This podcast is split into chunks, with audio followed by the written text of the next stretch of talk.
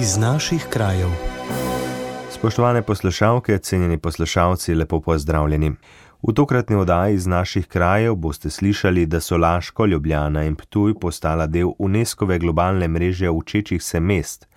Poročali pa bomo tudi o slovenskih dosežkih, zbranih v Guinnessovi knjigi rekordov, urejanju prometa v Mariboru, blagoslovo novega trga pred Domžalsko cerkvijo in razstavi razvoja gasilstva v Šinkovem turnu. Vabljeni k poslušanju. Radio ognišče v vašem kraju.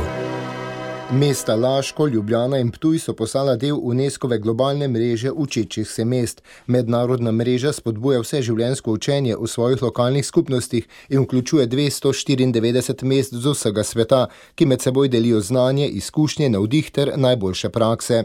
Slovenska mesta so med 77 mesti, ki so se mreži priključila v začetku septembra. Člani UNESCO globalne mreže učečih se mest se ukvarjajo z gradnjo učečih se mest in verjamejo, da je vse življensko učenje za vse ključnega pomena za prihodnost njihovih mest. Vsako mesto se v prijavi za članstvo zaveže, da se bo razvilo v učeče se mesto, izmenjavalo izkušnje in najboljše prakse, spodbujalo partnerstva in krepilo politiko izvajanja vseživljenjskega učenja za vse, so zapisali na spletni strani Ministrstva za izobraževanje, znanost in šport.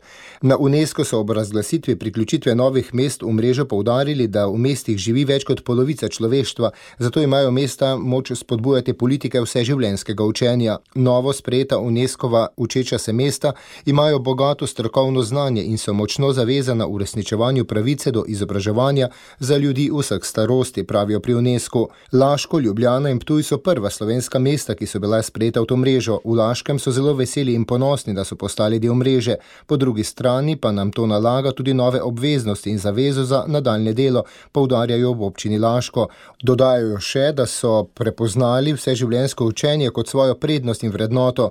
V občini spodbujajo izvajajo učenje na vseh ravneh, od otrok in mladine do srednje generacije in starejših. Tako zagotavljamo vseživljenjsko učenje svojih občanov in izboljšujemo kakovo življenja in razvoj lokalne skupnosti, pravijo na občini Laško. Tudi v Ljubljani so sprejema v mrežo zelo veseli, pričakujejo, da bodo imeli dostop do še več literature in izobraževanj. In ta mreža nam obljublja in ponuja.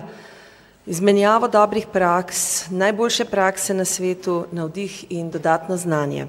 Poslanstvo te mreže je podpirati in pospeševati prakso vseživljenjskega učenja v skupnostih po vsem svetu. In to je bil tudi tisti uh, razlog, da smo se na ta razpis sploh prijavili. Je povedala vodja oddelka za predšolsko vzgojo in izobraževanje na mestni občini Ljubljana Marija Fabčič. Verjame, da bodo zaradi mreže okrepili sodelovanje z Laškim in Ptujem, pričakuje povezovanje pri različnih projektih in gradnji izobraževalne infrastrukture za vse od vrca do tretjega življenjskega obdobja. Na ljubljanski občini verjamejo, da vsa mednarodna povezovanja prinesejo koristi, že v tem, da ne ponavljaš napak, ki jih je nekdo storil, si naredil veliko, pojasnjujejo. UNESCO-vi globalni mreži učečih se mest se je pridružil tudi Ptuj. Na tamkajšnji občini so ob pridružitvi poudarili, da so nas prejem ponosni hkrati pa to zaveza, da se bomo še naprej trudili ustvarjati okolje, v katerem bo znanje dostopno vsem, okolje, ki bo še naprej spodbujalo vseživljenjsko učenje in učenje, ki bo znalo opolnomočiti našo družbo. Poudarjajo na občini Ptuj in dodajajo, da je znanje nevidna naložba, v katero vlagamo vse življenje. Slovenija je majhna država, Ptuj je majhno mesto, a upamo si trditi, da znanjem, ki ga premoremo, lahko konkuriramo marsikomu. Tudi zato je pomembno, da se zavedamo pomena vseživljenjskega učenja, ga podpremo in ga naslavljamo kot prednostno nalogo, poudarjajo na občini Ptuj. Prispevek sem pripravil Alen Selihovič. Radio ognišče v vašem kraju. Pri založbi Učila je išla slovenska izdaja Guinnessove knjige Rekordov 2023, ki letos med drugim v spredje postavlja vesolje. V knjigi je zabeleženih 2697 rekordov, od tega 17 slovenskih. Med slovenskimi rekorderji je mogoče najti plezalko Janjo Garmbred, kolesarja Primoža Rogliča, košarkaša Luko Terpino in največjo matico na svetu. Ta se nahaja v Komendi. Podjetje Matica MB jo je postavilo ob svoji poslovni zgradbi. Hkrati pa simbolizira tudi želje podjetja po nenehni rasti in stremljenju k boljšemu. V času karantene so se na matico povspeli legendarni Dunking Devils in naredili pravi šov. Tega si lahko ogledate tudi na naši spletni strani. In sedaj želim lep pozdrav gospodu Andreju Breskvarju iz podjetja Matica MB. Pozdravljeni. Vaše stavbe, gospod Breskvar, ni mogoče zgrešiti, saj se sedaj tam nahaja največja matica na svetu. Kako je šlo od ideje do končnega izdelka? Začelo se je mogoče že čist v začetku, ko je direktor se spomnil imena Matica MB in imamo Matico v imenu, v logotipu, na vseh dokumentih se pojavlja Matica. Potem smo želeli narediti nekaj več, kar bi pripomoglo k prepoznavnosti našega podjetja in smo se odločili za največjo matico na svetu. Do realizacije pa predvsej dolga pot bila, zaradi tega, ker je bil vmes je bil COVID, ker je onemogočil neke, neka normalno delovanje, se pravi, izmere so bile potrebne za to matico, izdelati jo je bilo potrebno, pa komunikacija z Guinness World Recordom je bila predvsej dolgotrajna, glede na to, da smo šli po neki redni poti, tako da je od ideje nekje v 2019, ki je bil tudi načrt narejen, do zdaj, ki je bila uradno potrjena in smo v Guinnessovi knjigi rekordov preteklo predvsej časa. Kakšne pa so izmere izdelka, da si lažje predstavljamo? Matica je visoka 3,6 metra, v širino meri 4,16 metra, globoka pa je 2 metra. Teže je nekaj več kot 2 toni, v, za primerjavo bi bil to v nekem DIN oznakah, bi bil to navoj M2400. Če si predstavljate, da v no, normalnih pogojih delamo z maticami, tam bom rekel med M5 pa M20 mogoče, je to pa, če si predstavljate M2400, predvsej velika zadeva. Res je, kako pomembne so matice, kje vse se te uporabljajo? Matica je pravzaprav eden najbolj razširjenih elementov v vseh industrijah, mogoče z izjemo kakšne tekstilne ali pa živilske, se pravi najdemo jo v gradbeništvu, strojništvu, avtomobilski industriji, letalski industriji, posod, kjer je treba povezati nekih več delov v neko celoto. Tako da jo ne bi bilo ne največje zgradbe, ne največjega mostu, ne največjega letala, ne bi bilo, če ne bi bilo ene navadne matice. Kam vse pa so ustavljene vaše matice, torej podjetja Matica MB, v katerih državah in katere so, denimo, še vaše rekorderke? Matice pravzaprav prodajamo po Sloveniji, v države Evropske unije, Ukrajino, tudi v Rusijo smo prodajali, v države bivše Jugoslavije, tako da so prisotne skoraj v vseh različnih industrijah, se pravi, kot sem omenil, avtomobilska, predelovalna, živilska, mogoče ne, čeprav tudi v hladilnikih se uporablja, kjerkoli se uporablja kakšna ukrivljena počevina. Treba je vedeti, da matic je pravzaprav zelo veliko vrst različnih, ki jih imenujemo navadne, klasične, kovične, razporne, vtisne matice. Matice, ki se ustavljajo v plastiko, se pravi, pod nazivom matica je pravzaprav ogromno nekih izdelkov. Gospod Andrej Breskvar, ob sklepu še vprašanje, ko ste nam poslali fotografije te vaše matice, ki jo lahko naše poslušalke in poslušalci najdejo tudi na naši spletni strani, je bilo kar nekaj mladih ob tej matici. Kako pa je pri vas skrbijo za mlade in nove kadre? Naše podjetje pravzaprav dela na tem, da bi vedno bolj osveščali mlade in usmerjali mogoče v te strojne poklice, ker jih je predvsej malo. Glede na to, da smo se povezali v zadnjem času tudi z različnimi šolami, smo zdaj izvedli ravno prvi tehnični dan. Povabili smo srednjo strojno in kemijsko šolo iz Ljubljane, tako da so lahko dijaki tretjega letnika pri nas si ogledali, kako poteka nek proces v našem podjetju in pa nekaj proizvodnih procesov v bližnji okolici, ker se nahajamo v poslovni coni Komenda, kjer je veliko proizvodnih podjetij, tako da so dobili lahko občutek, kje vse se nahajajo naši izdelki, kaj je vse potrebno narediti, da ena matica pride nekje od proizvajalca do končnega izdelka. Zelo pomembno je, da se tudi naši zaposleni stalno izobražujejo. Znanje, ki ga dobiš v šolah, pravzaprav je neko zelo osnovno. Glede na to, kot sem omenil, da je zelo veliko različnih matic, pa na splošno pritrdilne tehnike, je potrebno stalno neko izobraževanje in odgrajevanje svojih znanj, zato nudimo vsem zaposlenim, da se šolajo in pri nas znotraj podjetja in preko naših partnerjev, kjer dobijo predvsej dobre izkušnje, kako s kakšnimi zadevami pol naprej delati. Ne? Zelo pomembno je namreč en vijak, kam ga lahko daš, kaj bo s tem vijakom nekdo naredil, ker ima lahko ima, ne, podložko, prirobnico, krkot in s tem znanjem znanjem poskušamo tudi svojim partnerjem potem pomagati, da čim boljše naredijo tisti del, ki ga imajo oni narediti. Se pravi, da skupaj z našimi partnerji sodelujemo lahko tudi pri procesu nekega proizvodnega izdelka. Ali si je torej mimo idoči lahko ogledajo to vašo matico? Seveda vsi, ki grejo kadarkoli mimo poslovne cone Komenda, so vabljeni, da si to največjo matico na svetu pri nas ogledajo, se slikajo, mogoče se tudi uglasijo v naši trgovini, če bodo karkoli rabili v zvezi z pritrdilno tehniko. Gospod Andrej Breskvar iz podjetja Matica MB iz Komende, iskrene čestitke za opis v Guinnessovo knjigo rekordov za največjo matico na svetu in iskrena hvala, ker ste to delili z našimi poslušalci. Hvala tudi vam in prijeten dan še naprej. Pogovor o matici rekorderki sem pripravil Alen Salihovič. Radio ognišče v vašem kraju.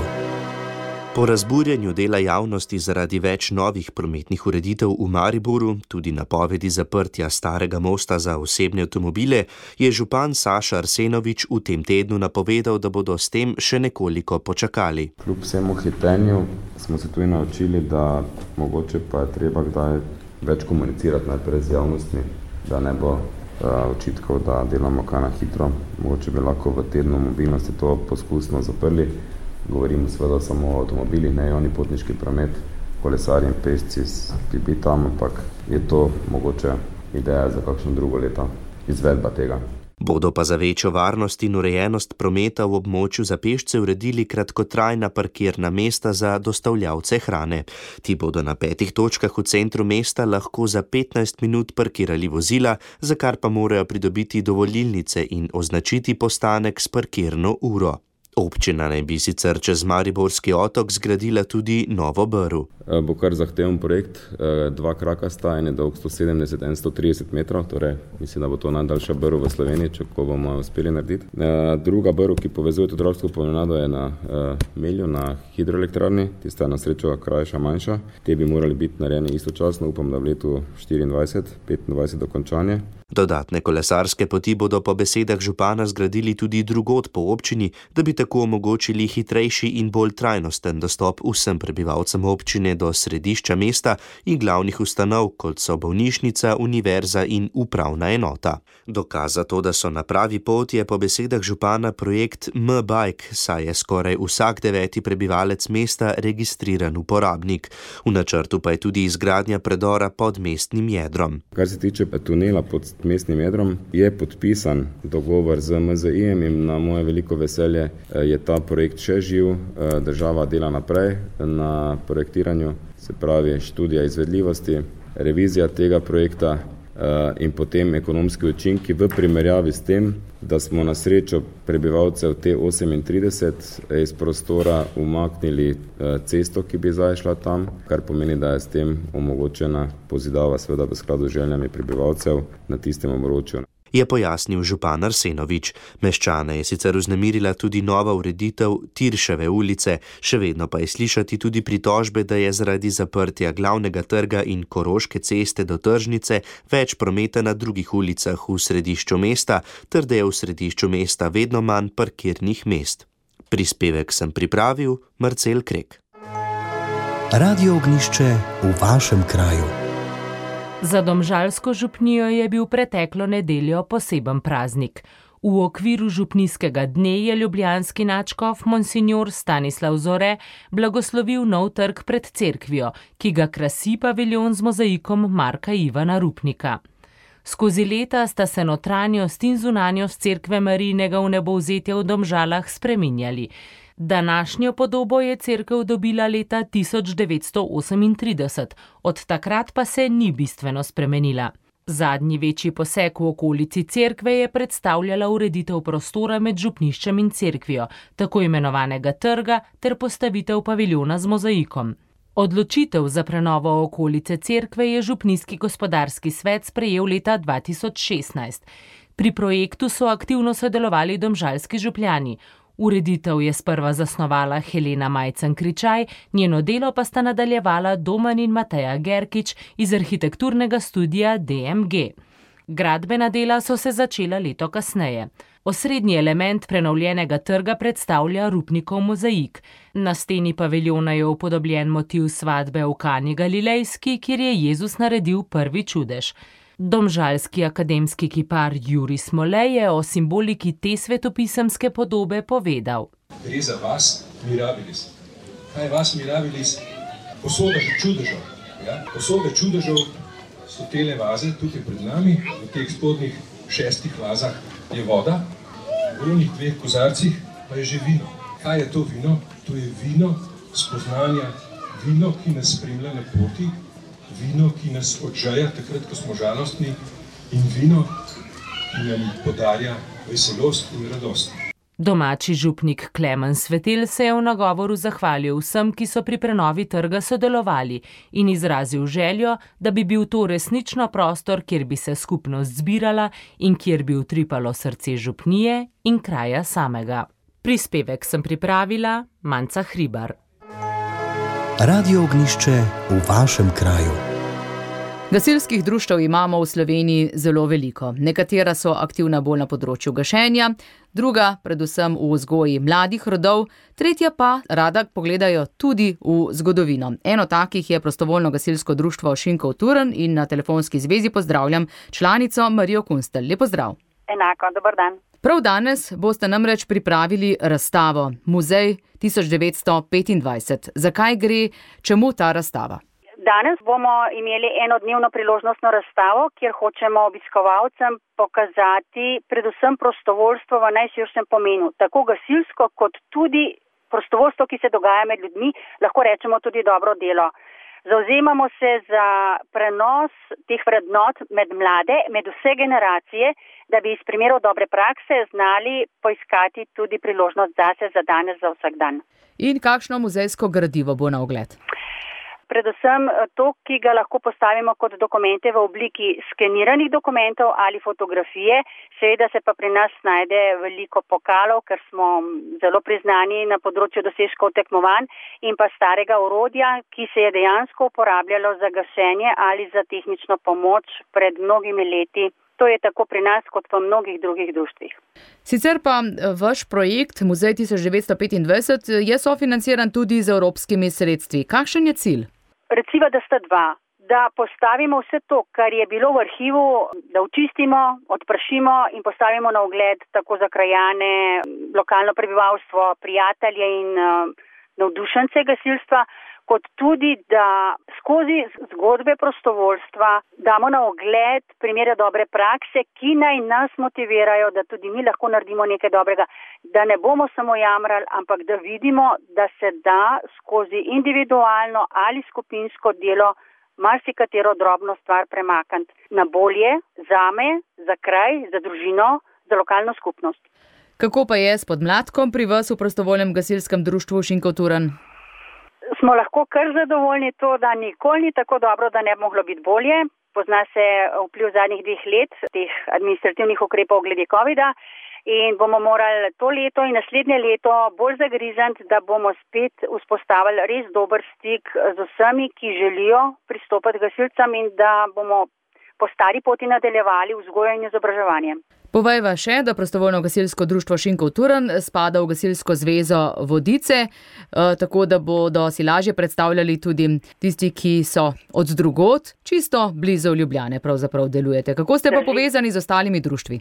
Zadnja leta je eh, napisano pravilo, da gasilska društva, šest nas je v zvezi, gasimo vedno v paru. In če smo aktivirani mi, gre z nami v paru eh, na teren tudi polje. Tako da je avtomatsko povečano tudi po uradni poti praksa sodelovanja. Sicer pa tisti, ki imajo morda malo bolj izpostavljeno delo z veterani, se med sabo najdejo. To so pri nas sigurno sosedje polje tudi za Pogen Vodice in Bukovica so prepoznani pri tem, da imajo že dalj časa delo z veterani na dobrem nivoju. Mi smo bolj tekmovalni, prav tako polje. Velja za vse zveze, da se z dobro voljo lahko doseže veliko napredka na operativi, na vzgoji, na usposabljanjih. Z Marijo Kunstel sem se pogovarjala Tanja Dominko. To je bilo v današnji oddaji vsem, če ste del zamudili, vabljeni v audio arhiv Radio Ognišče, sicer pa, če se kaj zanimivega dogaja tudi v vašem kraju, nam to lahko sporočite na elektronski naslov deskafnaognisce.si. Hvala za pozornost, še naprej vabljeni, da ostanete v naši družbi. Poslušali ste oddajo iz naših krajev.